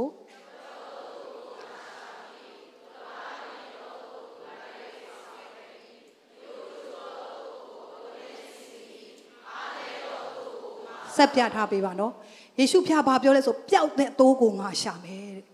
သူတပားနင်သောသိုးကိုငါပြန်ဆောင်မယ်ယနေ့သင်ဟာတင့်ရဲ့ပတ်ဝန်းကျင်အတိုင်းဝိုင်းကနေတင့်ကိုတန်ဖိုးမထားပဲနင်ချင်းကိုခံရတယ်လို့ခံစားရသလားတင်ချင်လဲတဲ့အတိုင်းဝိုင်းမှာတင်မတိုးတယ်လို့ခံစားနေရသလားလူတွေကတင့်ကိုတိတ်ပြီးအတိမတ်မပြုတ်တယ်လို့ခံစားရသလားတယောက်တည်းဖယ်ထားခြင်းကိုခံရသလား ယေရှုဖခင်ကလေထို့တော့သူကိုမှပို့ပြီးကြိုးဆိုင်တဲ့ဖခင်ရှင်ဖြစ်တယ်။အဲဆိုသူကသူတပားနေတဲ့သူတွေကိုတဲ့ငါပြန်ပြီးဆောင်မယ်။ပြီးတော့လူတွေကနော်ဒုံပလွေတွေရန်သူကရိုက်ချိုးပြီးတော့အယိုးချိုးတဲ့ငါရဲ့တိုးကိုတဲ့ငါအဝတ်နဲ့ပြန်စီးပေးမယ်အားနေတဲ့ငါရဲ့သူ့ကိုဘာပြောဘာဖြစ်မယ်လို့ပြောလဲဆိုမဆောက်မယ်ယနေ့တင်အားနေနေသလားဖခင်ကတင့်ကိုပြန်မဆဖို့အစဉ်သင်ရှိနေတာဖြစ်တယ်ယနေ့တင်အယိုးချိုးလို့လမ်းတော်မလျှောက်နိုင်တော့ဘူးလား တင်ရဲ့နှလုံးသားတွေကြိုးပဲလို့လမ်းတော်ဆက်လျှောက်ဖို့ခွန်အားမရှိတော့ဘူးလားတင့်ကိုအရန်ယုံကြည်ခဲ့တယ်တင်မျော်လင့်ခဲ့တယ်အရန်အားကိုးခဲ့တယ်အပုတ်ချခံရလို့အဲ့ဒီတန်ရာကအရန်များလို့ဆက်လျှောက်ဖို့ခွန်အားမရှိဘူးလားမျော်လင့်ခြင်းတွေရိုက်ချိုးခံရသလားအလိမ်ညာခံရသလားမတရားပြုတ်ခြင်းခံရသလားဖခင်ကယနေ့ထိုအတွက်ရနေတဲ့ဒဏ်ရာတွေကိုတစ်ခုချင်းဖျားကကုသပေးမှာဖြစ်တယ် ယခုအချိန်မှာပြင်ဖျားကကုသပေးနေတာဖြစ်တယ်တင်းရဲ့နှလုံးသားအတွင်းဆုံးတဲ့အထိဝိညာဉ်တော်ဒီကုသပေးတော်ဖျားရှင်ဖြစ်တယ်ဝိညာဉ်တော်ကကုသပေးတဲ့ခါမှာလေအယံကိုတစ်ခါမှမခံစားဘူးတဲ့အစ်စ်တော်အရာတော်တင်ပြန်ခံစားရမှာဖြစ်တယ်ကုသပေးတဲ့ခါဒဏ်ရာလေးနည်းနည်းလေးကြံရုံမဟုတ်ဒဏ်ရာဘာမှမရှိတော့တဲ့အထိတင်းကိုကုသပေးမှာဖြစ်တယ်တချို့ကကိုဒဏ်ရာရဘူးတဲ့အတွေ့အကြုံကိုပြန်မခံစားချင်တော့ အဲ့ဒါကိုဟာနဲ့ကိုကာကွယ်ကြတယ်ငါ့ကိုဒီလိုဒီလိုလုပ်ဖူးတဲ့နောက်တစ်ခါငါဒီလိုမလုပ်ခံရအောင်ဆိုပြီးကိုဒဏ်ရာကိုကာကွယ်ကြတယ်ဒါပေမဲ့ဘုရားကပြောတယ်ကာကွယ်ဆရာမရှိဘူးသင်ကဒဏ်ရာမရှိတော့ဘူးသင်ဒဏ်ရာကိုငါကုသပေးမယ်သင်ကိုလူတွေထပ်ပြီးအယိုးချိုးခွင့်ငါမပြုတ်ဘူးသင်ကိုလူတွေမတရားထပ်ပြီးပြုတ်ဖို့ရတော့ငါအခွင့်မပေးနိုင်တော့ဘူးငါဟာသင်ရဲ့တိုးထိန်ဖြစ်တယ်သင်ကိုငါကာကွယ်ပေးမယ်သင်အားနေတယ်ဆိုပြီးတော့လူတွေသင်ကိုအနိုင်ကျင့်လို့မရဘူးလို့တိုးထိန်ကပြောနေပါတယ်ယနေ့ဘယ်သူမှသင်ကိုအနိုင်ကျင့်လို့မရဘူး ဘာလို့လဲတိုးထိန်ကယေရှုဘုရားဖြစ်တယ်တိုးထိန်ကသင်ကိုအနိုင်ကျင့်နိုင်မှသူဒီသင်ဘက်ကနေမတည့်ရမဲ့ဘုရားရှင်ဖြစ်တယ်သင်ခံစားနေရတော့ငါတို့မိသားစုဘက်မှာရက်တည်မဲ့လူမရှိဘူးဒီဟာကမတရားဘူးဆိုတော့ငါသိတယ်မမှန်ဘူးဆိုတော့ငါသိတယ်ဒါပေမဲ့ငါမပြောရဲဘူးဘာလို့ဆိုငါဘက်မှာရက်မဲ့သူမရှိဘူးယေရှုဘုရားကငါပြောတယ်ငါမတည့်ရမယ်အားနေတော့တိုးတွေဘက်မှာငါမတည့်ရမယ်အနိုင်ကျင့်ခံရတော့ငါတိုးတွေဘက်မှာငါမတည့်ရမယ်နေဆက်ခံရတော့ငါတိုးတွေဘက်မှာငါမတည့်ရမယ် မိဘမရှိတော့သူငယ်နှိပ်စက်ခံရတော့သူတွေအားနေတော့သူတွေဘက်မှာငါဒီတရားစီရင်မယ်လို့ပြောတယ်ဖျားရှိဖြစ်တယ်။တိုးထိန်ကောင်းဖြစ်ပါတယ်။ပြန်ပြီးတော့ဖျားကတင့်ကိုကူတာပေးပြီးတော့ပြန်ပြီးတင့်ကိုကျမ်းမာစေမှာဖြစ်တယ်။တင်ကျမ်းမာမယ်နေ့ဒီနေ့ဖြစ်ပါတယ်။တိုးထိန်ကတင့်ကိုအနာစီးပေးလျက်နော်။တင်လမ်းမလျှောက်နိုင်တော့ဘူးဆိုတော့တင့်ကိုပွေးပြီးတော့သူ့ရဲ့မျက်မှောက်တော်တွေကိုပြန်ခေါ်ဆောင်မှာဖြစ်တယ်။ပြန်ပြီးတင့်ကိုကူတာပေးလျက်တင့်ကိုပြန်ပြီးတစားဆင်ပေးလျက်မှန်ကန်သောလမ်းတွေကိုတင့်ကိုပြန်ပို့ဆောင်လျက် တင့်ပေါ်မှာဘုရားပေးထားတဲ့အယူပါယုံတွေဂတိတော်တွေကိုပြန်ပြီးတော့ဘုရားကပေးမှာဖြစ်တယ်။ကျွန်တော်ကျွန်တော်ကိုးကွယ်တော်ဘုရားက restoration လုပ်တော်ဘုရားဖြစ်တယ်။ပြန်တည်ဆောက်ပေးတော်ဘုရားရှင်ဖြစ်တယ်။တင်မှားသွားလို့ဆုံးရှုံးခဲ့တဲ့အချိန်တွေငွေတွေတင်ဆုံးရှုံးခဲ့တဲ့ဝမ်းမြောက်ခြင်းတွေအကုန်လုံးကိုပြန်ပေးမဲ့ဘုရားရှင်ဖြစ်တယ်။ပျောက်တော့သားကသူမှားသွားတဲ့အခါသူအကုန်ဆုံးရှုံးတယ်။ဒါပေမဲ့ဖခင်စီပြန်ရောက်တဲ့အခါမှာဖခင်ကသားအရာကိုပြန်ပေးတယ်။ तू ရပိုင်ခွင့်နဲ့အကုန်ပြန်ပေးတယ်။သင်လမ်းမနေသလား။လမ်းမရေးနဲ့သင်ဘဝမှာဘာမှမရှိတော့အောင်ဆုံးရှုံးနေသလား။သင်ဖျားစီပြန်လဲတယ်ဆိုရင်ဖျားကအကုန်ပြန် restoration ဟာလေလုယာပြန်တိဆောက်ပေးမှာဖြစ်တယ်။ဝမ်းမြောက်ခြင်းတွေကိုပြန်ပေးမယ်။ငြိမ်သက်ခြင်းတွေကိုပြန်ပေးမယ်။သင်ဆုံးရှုံးခဲ့သောအရာကိုပြန်တွက်ပြီးတော့နှစ်ပေါင်းကာလကိုတွက်ပြီးပြန်ပေးနိုင်တယ်ဖျားကတိုးထိန်ဖြစ်တယ်။ဟာလေလုယာကိုရောကိုဂျေဇုတင်တယ်ကိုရော။ယနေ့ဖျားကသင်ကိုတိဆောက်ပေးမယ်။ပြီးရင်ခုနပြောသလိုသင်ကိုကာကွယ်ပေးမှာဖြစ်တယ်။ တိုးထိန်ရဲ့လုပ်ငန်းကဒါဝင်ကကာကွယ်ပေးသောတိုးထိန်ဖြစ်တယ်။ဒါဝိတ်ကဒီကျမ်းပါနဆာလန်23ကိုရေးတော်သူဟာဒါဝိတ်ဖြစ်တယ်။ဒါဝိတ်ကသူကိုယ်တိုင်တိုးထိန်ဖြစ်တဲ့အတွက်တိုးထိန်ရဲ့လုပ်ငန်းကိုသူကောင်းကောင်းနားလည်တာဖြစ်တယ်။သူကသူ့တိုးတွေကိုအမြဲတမ်းကွယ်ကပေးရတဲ့လူဖြစ်တယ်။နော်သူဂေါလျက်နဲ့တက်ခါနီးမှာဗာပြောလဲကျွန်တော်ကားတဲ့ဟိုကျွန်တော်တိုးတွေကိုစောင့်ရှောက်ရင်းနေတဲ့ကျွန်တော်တိုးတွေကိုလာတိုက်တဲ့ဝန်ပလွေတွေတဲ့ချင်းသိပ်တွေကိုကျွန်တော်ကကိုက်ဖျားခွန်အားနဲ့ကျွန်တော်ထိုးအရာတွေကိုဟိုတတ်နိုင်ခဲ့ပါတယ်။ ပြောချင်တာကကျွန်တော်သိုးတွေကိုနှောက်ရှက်တဲ့ဘယ်ရန်သူမဆိုကျွန်တော်ကာကွယ်ခဲ့တယ်ဒါဝိဒ်ကအဲ့ဒါကိုတီးတဲ့ခါမှာဗာပြောလဲဆိုတော့ဘုရားကငါ့သိုးထိန်ဖြစ်တယ်ဒါကြောင့်ဘုရားကငါရန်သူတွေကိုငါတိုက်စရာမလိုသူကတိုက်ပေးတော့ဘုရားဖြစ်တယ်ဆိုတော့ तू ကောင်းကောင်းသဘောပေါက်တာဖြစ်တယ်အဲကြောင့်ကျမ်းစာထဲမှာဘုရားကဗာပြောလဲစစ်မှုဟာတင်းရတာမဟုတ်ဘူးငါသိုးတွေကကာကွယ်ဖို့ကသိုးထိန်ငါရတာဝန်ဖြစ်တယ်တင်လို့ရမယ့်အရာကတော့ငါနောက်ကိုလိုက်ဖို့ပဲဖြစ်တယ်ငါအတောင်အောက်မှာပဲနေဖို့ဖြစ်တယ် နော်ရန်သူဒါဝိရဲ့အသက်တာမှာရန်သူအရန်များပါတယ်တခါလေသူမြတော့အိမ်မပျော်ရတဲ့အချိန်ရှိတယ်နော်တိုးထဲမှာသူဒီတစ်ချက်လေးငှိုက်ပြီးတော့ဟာရန်သူရောက်လာပြီဆိုထပြေးရတယ်နော်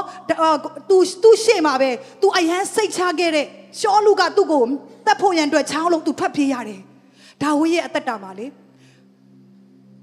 သူအရန်ချစ်တဲ့ဖခင်လို့ထင်တဲ့သူရဲ့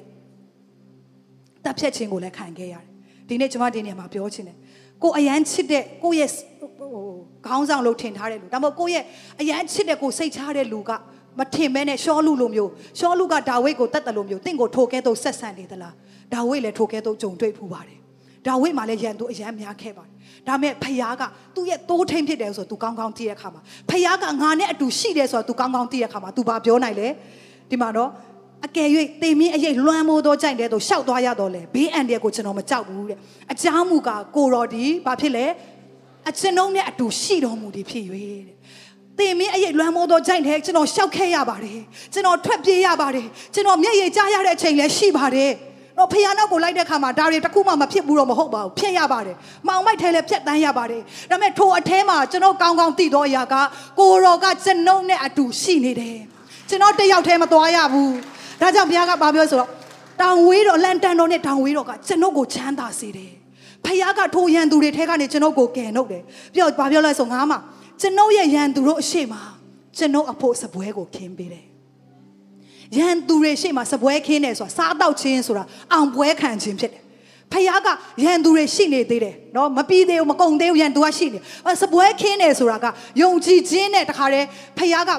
ဖြစ်ပြီးတကယ်တော့သူ့ကိုမြင်စေတာဖြစ်တယ်။ဟုတ်တယ်ရန်သူတွေအယမ်းများနေတယ်။ကျမတို့ဆိုရင်တော့ရန်သူတွေအားလုံးရှင်းပြီးအောင်ပွဲရမှစားတော့မှာ။ဒါပေမဲ့ဖခင်ကဘာပြောလဲဆိုတော့အဲ့ဒီရန်သူကငါအတွက်ကိစ္စမရှိလို့လို့စပွဲတာခင်းစမ်းပါ။စားတော့စမ်းပါဂျေဇုတော်ချီးမွမ်းစမ်းပါလို့ဘုရားကပြောနေတာဖြစ်တယ်။ယုံကြည်သူတွေကပြဿနာအားလုံးရှင်းမှဂျေဇုတော်ချီးမွမ်းနိုင်တော်သူတွေမဟုတ်ဘူး။ယန်သူရှင်းမှပြီးအေးဆေးစားတော့နိုင်တော်သူများဖြစ်တယ်။ဟာလေလုယာ။ယန်သူကလေအဲ့ဒါကသူ့ကိုပို့ပြီးတုံလို့စေတာ။ ဖိလိပ္ပိထဲမှာလားမသိဘူးရန်သူတွေကိုမကြောက်ရွံ့ခြင်းကရန်သူတွေပို့တုံလို့စေတယ်တဲ့ငါတို့ရဲ့ရဲရင်ခြင်းကရန်သူတုံလို့စေရန်သူကအလုံးရင်းနဲ့လာတဲ့ချိန်မှာနော်ဒါဝိကဆာလန်နဲ့ဆက်ခွန်းမှာရန်သူကားတဲ့အလုံးရင်းလာတဲ့ချိန်မှာငါကျမတော့မပေးထားပေမဲ့ဖတ်ခြင်းတယ်ထာဝရဘုရားဒီငါအလင်းငါကိုကယ်တင်တော်မူသောအရှင်ဖြစ်၏ငါဒီအဘယ်သူကိုကြောက်ရအံ့နီထာဝရဘုရားဒီငါ၏အသက်ခိုးလုံရဖြစ်တော်မူ၏ငါဒီအဘယ်သူကိုကြောက်လိုက်ရအံ့နီ တေချာလေးနားထောင်ပြီနော်ငါကိုအညိုးထားသောရန်သူတို့လို့ဆိုတော့ဒီငါအသားကိုကိုက်စားမိဟုလာကြသောအခါခြေတိုက်မိ၍လဲကြ၏တဲ့ငါတစ်ဖက်မှာငါရှေ့မှာပဲတက်ချကြတော့လေငါနှလုံးမကြောက်တန်အာမင်စစ်ချီ၍လာတော့လေရန်သူတွေကအုပ်စုလိုက်စစ်ချီ၍လာနေပြီဒါဝိရှေ့မှာဒါပေမဲ့သူကဘာပြောလဲထိုအမှုတွင်ပြင်တည်ကြည်သောစိတ်ငါရှိနေဒါဝိကဒါတွေကိုနော်ဟိုအပေါ်ရန်တက်တက်ပြောခဲ့တာမဟုတ်သူကိုယ်တိုင်ဖြတ်တန်းခဲ့တဲ့အရာဖြစ်တယ် သူကအင်အားနည်းနည်းလေးနဲ့ရန်သူထောင်ပေါင်းများစွာတောင်းပေါင်းများစွာနဲ့သူရင်ဆိုင်ခဲ့တာဖြစ်တယ်။ဒါပေမဲ့သူကရန်သူတွေစစ်ချီ၍လာတယ်။ငါအရှိမတက်ချကြတယ်ဒါပေမဲ့ငါမကြောက်ဘူးတဲ့။ငါတီးချီနေတယ်။ဘာလို့ဆိုတော့ဖခင်ကငါရဲ့ခွန်အားဖြစ်တယ်။ဖခင်ကငါနဲ့အတူရှိနေတဲ့အတွက်ငါမကြောက်ဘူး။ तू ပြောတဲ့အတိုင်းပဲရန်သူတွေမြောက်များစွာရှိပေမဲ့ဖခင်ကသူနဲ့အတူရှိတဲ့ခါရန်သူတွေလက်ထဲဒါဝိဒ်ကလုံးဝမကြရှုံရဘူး။ဖခင်ကအမြဲတမ်းကြွယ်ကပေးတယ်။အမြဲတမ်းသူ့ကိုထောင်ပါတယ်။ဒါကြောင့်ယနေ့တည့်ရတက်တာမှာဘလို့မျိုး နော်တင်းရှေ့မှာကြီးလိုက်တဲ့အခါဘလို့ရန်သူမျိုးဘလို့ချင်းချောက်ခြင်းတွေဘလို့ကြောက်ရန်ခြင်းတွေကတင်းကိုဝါရန်နေတယ်လေထိုဝါရန်ခြင်းတွေရဲ့အလယ်မှာတင်းတယောက်တည်းမရှိဘူးဖခင်ကတင်းနဲ့အတူရှိနေတာဖြစ်တယ်အဲကြောင့်ကျမတို့ဟေရှာယ43အငယ်1မှာပြောထားလဲဆိုတော့အတူတကွဖတ်ရအောင်ဟေရှာယအနာဂတိကျမ်းအခန်းကြီး43အငယ်1မှာနော်တင်ဒီရေကိုအတူတကွဖတ်ရအောင်ပြန်ဖတ်ရအောင်နော်တင်းနှစ်သုံးတင်ဒီရေကိုရှောက်သွားသောအခါတင်နဲ့အတူငါရှိ၏ မြစ်တို့ကိုရှောက်သောအခါမနစ်အမွန်ရာမိကိုချီးနှင်းသောအခါလဲမိရှံလဲမငီးရအာမင်ဒီနေ့ဘုရားကဘာပြောရေကိုရှောက်သွားတဲ့အခါမှာလဲတင်နဲ့အတူငါရှိမယ်တင့်ကိုလိုင်းတဘိုးတွေကတင့်ကိုရိုက်ပုတ်ပေမဲ့ထိုအလယ်မှာလဲငါဒီတင်နဲ့အတူရှိတယ်ယနေ့အရင်ပူရဲလို့ခံရတဲ့မိကတင့်ကိုဖိစီးတဲ့ခါမှာလဲမလောင်ရဘူးဖခင်ကပြောယုံတက်တက်မဟုတ်ဘူးနော်တမိုင်းမှာတက်တက်ရှိခဲ့တယ် ကျမတို့ကိုးကွယ်တော်ဘုရားကတက်တည်ရှိတယ်နော်တကိုးရှိတယ်ကျမတို့ပြောသမျှကဒါကလေစကလုံးတက်တက်မဟုတ်ရှာအတွက်မေရှက်ဘေးနေတဲ့ကောင်းကိုကြီးမားသောမီးအိုင်ထဲမှာလုံးဝသူတို့ရဲ့အဝတ်တောင်မှသူတို့ရဲ့အမွေးတောင်မှမလောင်စေသောဘုရားရှင်ကယနေ့တင့်ကိုလည်းပြောနေပါတယ်တင်းရဲ့ရန်သူကဘလောက်များကြီးမားနေတယ်လဲတင်းရောက်နေတဲ့မီးကဘလောက်ပူပြင်းတယ်လဲဘလောက်ပူပြင်းနေဆိုတာကအရေးမကြီးပဲနဲ့တင်းဟာဘသူနဲ့ရှိတယ်ဆိုတာကပဲအရေးကြီးတာဖြစ်တယ် တကယ်လို့ဘာမှမပူပြင်းတဲ့နေရာမှာနေတာမှာတင်ဟာဖျားနဲ့မရှိဘူးဆိုတော့တင်ဘဝက6တွေ့နေပါတစ်ချိန်လုံးကြောက်နေပါဒါမဲ့ဘလောက်ပဲရန်သူတွေများပါစေဘလောက်ပဲကြီးမားတဲ့မီးတွေရဲ့ဖိစီးခြင်းထဲမှာရှိပါစေဖျားနဲ့ရှိတယ်ဆိုရင်တော့ငြိမ်သက်ခြင်းကိုတင်ရမှာဖြစ်တယ်ယေရှုရဲ့ငြိမ်သက်ခြင်းကလိုင်းတဘိုးတွေရိုက်ခတ်နေတဲ့ချိန်မှာအိပ်ပျော်တဲ့ငြိမ်သက်ခြင်းဖြစ်တယ်အားကြောင့်ကျွန်တော်ခုနအစမှာဖတ်မယ်ဆိုရင်တိုးထင်းကဘာပြောလဲဆိုတော့ဆာလန်ဆီယာကငါဒီစိမ့်လန်းတော့ချက်စားရမှာငါ့ကိုအိတ်စေတယ်တဲ့ အိပ်ပျော်ခြင်းကတိုးထိန်ကတင့်ကိုလှုပ်ဆောင်ပေးတော်ရာဖြစ်တယ်။တိုးထိန်ကလေတင်အိပ်နေတဲ့အချိန်မှာတော့တင့်ကိုစောင့်ရှောက်တော်ဘုရားရှင်ဖြစ်တယ်။စာလံ127မှာငါ့ကိုစောင့်တော်သူဒီအိပ်တော်မမူတဲ့အကယ်စင်စစ်ဣသရေလအမျိုးကိုစောင့်တော်သူဒီဘာဖြစ်လဲငိုက်မီအိပ်ပျော်ခြင်းမရှိဘူး။တင်ကတင့်ကိုတင်ကာကွယ်နိုင်တဲ့အတိုင်းတာတစ်ခုရှိလိမ့်မယ်။ဒါမဲ့ဖျားတိုးထိန်ဒီဟူသောယေရှုနောက်ကိုတင်လိုက်ပဲဆိုရင်တော့တိုးထိန်ကဘယ်တော့မှအိတ်ငိုက်တဲ့ဘုရားမဟုတ်ဘူးနော်။ဘယ်တော့မှတင့်ကိုတတိလက်လို့ဖြစ်သွားတဲ့ဘုရားမဟုတ်ဘူး။ တင့်ကိုအမြဲတမ်းတတိနဲ့ကြည်ရှုတဲ့အတွက်ငါအခွင့်မရှိပဲတင့်တစ်ဖက်မှာအဘယ်လက်နဲ့မှမထားမြောက်ရအောင်ငါရဲ့ကွယ်ကာခြင်းထဲမှာဘသူမှတင့်ကိုမဖြက်စီးရအောင်မနှောက်ရှက်ရဘူးလို့ပြောတဲ့ဖျားရှင်ဖြစ်တယ်။ဒါကြောင့်ယနေ့တင့်အသက်တာထဲမှာယနေ့ဖျားပြောတဲ့ဂတိတော်တွေကမပြောင်းလဲပါဘူး။ဖျားပြောတဲ့အရာတွေကယနေ့ထိပြည့်စုံနေစေဖြစ်တယ်။ယနေ့နှုတ်ကပတ်တော်ကယနေ့ထိအသက်ရှင်နေစေဖြစ်တယ်။ ယနေ့နှုတ်ကပတ်တော်ကတင့်ကိုထောက်ပံ့ဖို့ရန်အတွက်တတ်ဆွမ်းနိုင်စေဖျားရှင်ဖြစ်တယ်။လမ်းပြောင်းနေသလားယနေ့ဖျားကိုပြောရအောင်ကိုရောကျွန်တော်လမ်းပြောင်းနေပါတယ်။ကိုရောကတိုးထိန်ရှင်ဖြစ်တယ်လို့ကိုရောပြောတယ်။ကိုရောကလမ်းပြတော့တိုးဖြစ်တယ်ငါရဲ့တိုးတွေကိုလမ်းပြတယ်လို့ပြောတဲ့အတွက်ကျွန်တော်ကိုရောနောက်ကိုလိုက်ချင်တယ်။ကျွန်တော်ကိုလမ်းပြပါ။ကျွန်တော်အခုဘာဆက်လုပ်ရမလဲကိုရော။ဘယ်ကနေစရမှန်းတော့ကျွန်တော်မသိတော့ဘူး။ဘယ်ကနေစပြီးစလို့ရမှန်းမသိတဲ့အထိကျွန်တော်လမ်းပြောင်းနေတယ်။ကိုရောကျွန်တော်ကိုလမ်းပြပါလို့ပြောရင်ဖျားကလမ်းပြမှာဖြစ်တယ်။ ပြီးတော့နောက်ဆုံးမှာဗာပြောလဲ။တီးရဲ့ဥကောင်းကိုစီနဲ့ဗိတ်သိမ့်မယ်။ပြီးတော့နောက်ဆုံးမှာเนาะအရန်ကျွန်မခေါ်အားရတယ်။တီးရဲ့ခွက်ဖလားကရှံထွက်မယ်တဲ့။လိုအပ်ချက်ပြည့်ယုံလောက်မဟုတ်ဘူး။ရှံထွက်နိုင်ခွင့်ကဖျားပေးနိုင်တာဖြစ်တယ်။ယနေ့ဒီကာလကကျွန်တော်တို့ဒီလိုအပ်ချက်တောင်မှမဖြည့်ဆည်းနိုင်တဲ့ကာလတွေမြောက်များစွာမှာကျွန်မဒီနှုတ်ကပတ်တော်ဘာလို့ရဲရင်စွာပြောရတယ်လဲဖျားပြောခိုင်းလို့ဖြစ်တယ်။ဒီအချိန်ကတင့်ကိုဖျားထောက်ပံ့ခြင်းထင်ရှားဖို့အလိုအဆုံးအချိန်ဖြစ်တယ်။ လိုအပ်ဆုံးအချိန်မှာမှကျွန်တော်တို့ကထုတ်မသုံးဘူးဆိုဘယ်တော့ထုတ်ပုံပါလဲ။ဂတိတော်တွေကလေကျန်းစာကောင်းကင်ရောက်မှထုတ်သုံးဖို့အကြောင်းမရှိဘူးနော်။ကောင်းကင်မှာဘာမှမလိုအပ်တော့ဘူး။လိုအပ်နေရဒီလောကဖြစ်တယ်။ဂျဟိုးဘာရီရဲ့ထောက်ပံ့တော်အရှင်ဖြစ်တယ်လို့ပြောတဲ့အရာကဘယ်တော့တင့်အသက်တာမှာထင်ရှားမှာလဲ။တင်လိုအပ်နေတဲ့အချိန်မှာပိုပြီးထင်ရှားနေတာဖြစ်တယ်။ဖခင်ရဲ့ကောက်ွယ်ခြင်းကဘယ်အချိန်မှာထင်ရှားလဲ။ကြောက်ရွံ့စရာတွေအများတဲ့အချိန်မှာကောက်ွယ်ခြင်းကပိုထင်ရှားတာဖြစ်တယ်။ ဖခင်ရဲ့ကယ်နှုတ်ခြင်းကဘယ်အချိန်မှာထင်ရှားလဲ။ဒုက္ခရောက်တဲ့အချိန်မှာထင်ရှားတာဖြစ်တယ်။ဒါကြောင့်ကျွန်တော်ဒီနေရာမှာရှိတော်သူဟာဖခင်ရဲ့ဘုန်းတော်ထင်ရှားဖို့အကောင်းဆုံးသောနေရာတွေဖြစ်တယ်။ကျွန်တော်နိုင်ငံမှာဖခင်ရဲ့ဘုန်းတော်ထင်ရှားဖို့အကောင်းဆုံးသောနေရာဖြစ်တယ်။ ဖခင်ရဲ့ဘုန်းတော်ထင်ရှားခြင်းထောက်ပံ့ခြင်းတွေတင့်အသက်တာမှာရောက်လာမှာဖြစ်တယ်။ပြီးအကယ်စင်စစ်အကျွန်ုပ်ဒီအားလုံးရပြီးသားဖြစ်တဲ့အတွက်အတူတကွဆိုရအောင်နောက်ဆုံးအကယ်စင်စစ်အကျွန်ုပ်ဒီဂျေဇုနှင့်ဂယုနာတော်ကိုတသက်လုံးခံစား၍ထာဝရဘုရား၏အိမ်တော်မှာအစဉ်မြဲနေရပါလိမ့်မည်။အကယ်စင်စစ်ဆိုတာကလုံးဝသေချာတယ်တဲ့ဂျေဇုနဲ့ဂယုနာဂျေဇုတော်ဆိုတာကျမတို့မခံစားထိုက်ပဲရတော့ဂျေဇုတော်ဖြစ်တယ် ဂယုနာကဖခင်ကကျမတို့ကိုဂယုနာတက်တဲ့အတွက်ကျမတို့ကိုကယ်တင်တော့ဖခင်ရှင်ဖြစ်တယ်။ဒါကြောင့်ယနေ့ငါအခြေအနေနဲ့ဆိုငါယေရှုမခံစားထိုက်ဘူး။ငါကောင်းချီးမရထိုက်ဘူး။ဖခင်ရဲ့ချီးမြှောက်ခြင်းကိုငါမရထိုက်ဘူး။အာဒီလိုအလောက်ကင်ငါနဲ့မတန်ဘူးလို့စာရန်ကတင့်ကိုထည့်ထားတယ်ဆိုရင်ယနေ့ဖခင်ကငါဂျေဇုတော်ကတင့်ကိုထိုက်တန်စေတယ်။သင်ကငါမကောင်းဘူးလို့ပြောပေမဲ့ငါဂျေဇုတော်ကထိုအရာတွေအားလုံးကိုဖုံးအုပ်ပေးတယ်။ယနေ့ငါဂျေဇုတော်ကတင့်ကိုကောင်းချီးအရန်ပေးခြင်းတယ်။ငါရဲ့ဂယုနာတော်နဲ့တင့်ကိုပတ်ရစ်မယ်။နော်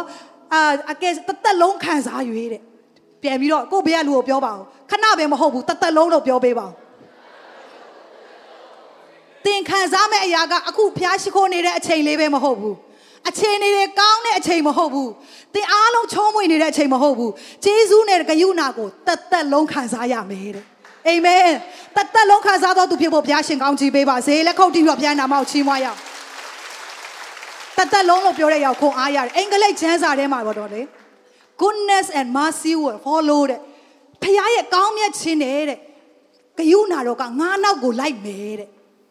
ဆိုတော့သင်ကလေဘယ်ပဲသွားသွားဖခင်ရဲ့ကောင်းမြတ်ခြင်းကသင်နောက်ကိုလိုက်နေမယ်စဉ်းစားကြည့်လိုက်နော်သင်ဒီကိုသွားလဲသူ့ရဲ့ကောင်းမြတ်ခြင်းကလိုက်နေမယ်ဒီကိုသွားလဲလိုက်နေမယ်အဓိကသင်ဘယ်နေရာမှာရှိရှိဖခင်ကသင်နဲ့အတူလိုက်နေပါဖြစ်တယ်ဆိုတော့စဉ်းစားကြည့်လိုက်ကျမတို့ကဒီလကနော်ယေရှုရဲ့နောက်ကိုလိုက်ခြင်းလို့ပြောတယ်သင်ဟာတိုးထိန်ယေရှုနောက်ကိုလိုက်တယ်ဆိုရင်မှန်ကန်သောလမ်းကိုလိုက်တယ်ဆိုအရှိမဘာပြဿနာရှိလဲ တိုးထိန်နဲ့အရင်တွေ့သွားမယ်အဲကျွန်တော်ကလေးတွေကိုပြောသလိုဘာပြဿနာရှိလဲငါတိုးထိန်နဲ့နေအရင်တွေ့ရမယ်လို့ကျွန်တော်ပေးရလူကိုပြောပါအောင်ငါတိုးထိန်နဲ့တေးအရင်တွေ့ရမယ်လို့ပြောပေးပါတင့်ကိုချင်းချောက်တဲ့ခြင်သိပ်တွေလာပြီဆိုငါတိုးနဲ့ငါတိုးထိန်နဲ့တေးအရင်တွေ့ရမယ်တင့်ကိုနောက်ဆက်မဲ့လူတွေမတရားလုံးမဲ့လူတွေလာငါတိုးထိန်နဲ့တေးအရင်တွေ့ရမယ်ငါတိုးထိန်ကခတ်သိမ်းသွားရောက်တတ်နိုင်တော့တိုးထိန်ဖြစ်ငါတိုးထိန်တွေကရန်သူတွေကိုနော်နှုတ်ကပတ်တော်ထဲမှာရန်သူဒီရေလွှမ်းမိုးတဲ့ကဲ့သို့ဝင်တော့ခါ ထာဝရဘုရားရဲ့ဝိညာဉ်တော်ဒီစီတာတော်မူ၏ဒါကြောင့်ဒါဝိဒ်ကရန်သူတွေကတဲ့ငါ့ကိုဝါမျိုးဖို့ကြံစီပေမဲ့ဖခင်ကငါရန်သူအားလုံးရှင်းထုတ်ပေးတယ်ဖခင်ရဲ့အခွင့်မရှိပဲတင့်တစ်ဖက်မှာဘယ်သူမှနေရာကြရတော့ခွင့်ဖခင်ကမပေးဘူးတင့်ကိုတွေ့မယ်ဆိုထိမယ်ဆိုရင်ယေရှုနဲ့အရင်တွေ့သွားမယ်ဟာလေလုယာပြန်ပြောပါအောင်တင့်ကိုတွေ့မယ်ဆိုတင့်ကိုထိမယ်ဆိုယေရှုနဲ့အရင်တွေ့သွားမယ်လို့ကိုဘေးကလူကိုပြောပါအောင်ဝန်ခံပေးပါအောင်ပြီးတင့်ကိုတည်လဲဝန်မှာခံပါအောင်ငါ့ကိုထိယေရှုနဲ့တွေ့သွားမယ်လို့ပြောပြပါအောင် အာမင်ဟာလေလုယာကျမတို့ကဝန်ခံမအထဲကိုပို့ရောက်တဲ့အတွက်ဝန်ခံခိုင်းတာဖြစ်တယ်မဟုတ်ရင်ဒီတိုင်းလေးပဲကျမတို့နားထောင်တတ်တယ်တင့်ကိုထိတာနဲ့ယေရှုဖခင်နဲ့အရင်တွေ့ရမှာဖြစ်တယ်ကျမ်းစာထဲမှာဖခင်ကငါရဲ့သိုးတွေဟာတဲ့ငါရဲ့မျက်စံတော်တွေဖြစ်တယ်ငါတစ်ချိန်လုံးကြည့်နေရတဲ့ငါသိုးတွေဖြစ်တယ်ငါအရက်ချစ်တဲ့ငါသိုးတွေဖြစ်တယ်ငါကြိုက်တဲ့လူကိုထိပိုင်ခွင့်မပြုဘူးရန်သူကတင့်ကိုခိုးဖို့တတ်ဖို့ဖြစ်စီဖို့ကြိုက်တဲ့လုံးကလုံးပိုင်ခွင့်မပြုနိုင်ဘူး အလို့ဆိုငါသိုးဖြစ်တယ်ငါကာကွယ်မယ်ငါတိုးတွေကိုငါလက်ထက်ကဘယ်သူမှငါနှုတ်ယူခွင့်မပြုတ်ဘူးငါကောက်ွယ်ပေးမယ်လို့ပြောတဲ့ဖျားရှင်ဖြစ်တယ်ယေရှုကတင်းအရှိကသွားပြီးတင်းကသူ့နောက်ကိုလိုက်ဒါပေမဲ့တင်းနောက်ကဟာနေရင်ကွက်လက်တွေမှာရန်သူကလာမလားကိစ္စမရှိဘူးဘာပြောလဲဂျေဇုနဲ့ဂယုဏကတင်းအနောက်ကိုလိုက်အာမင်တင်းဟာယေရှုနောက်ကိုလိုက်မယ်ဂျေဇုနဲ့ဂယုဏတော့ဖျားကောင်းမြတ်ခြင်းကတင်းနောက်ကိုတကောက်ကောက်လိုက်နေမှာဖြစ်တယ် ဒါကြောင့်တင်းဒီဖခင်ရဲ့ကောင်းမြတ်ခြင်းနဲ့ရစ်ပတ်ခံရတော့သူများဖြစ်တယ်ခုချိန်မှာအားလုံးမတည့်ရက်ပြီးတော့ကျွန်တော်တို့ဟိုဖခင်ရဲ့အတူရှိခြင်းကိုခဏလေးဂျေဇုတော်ချီးမွားရအောင်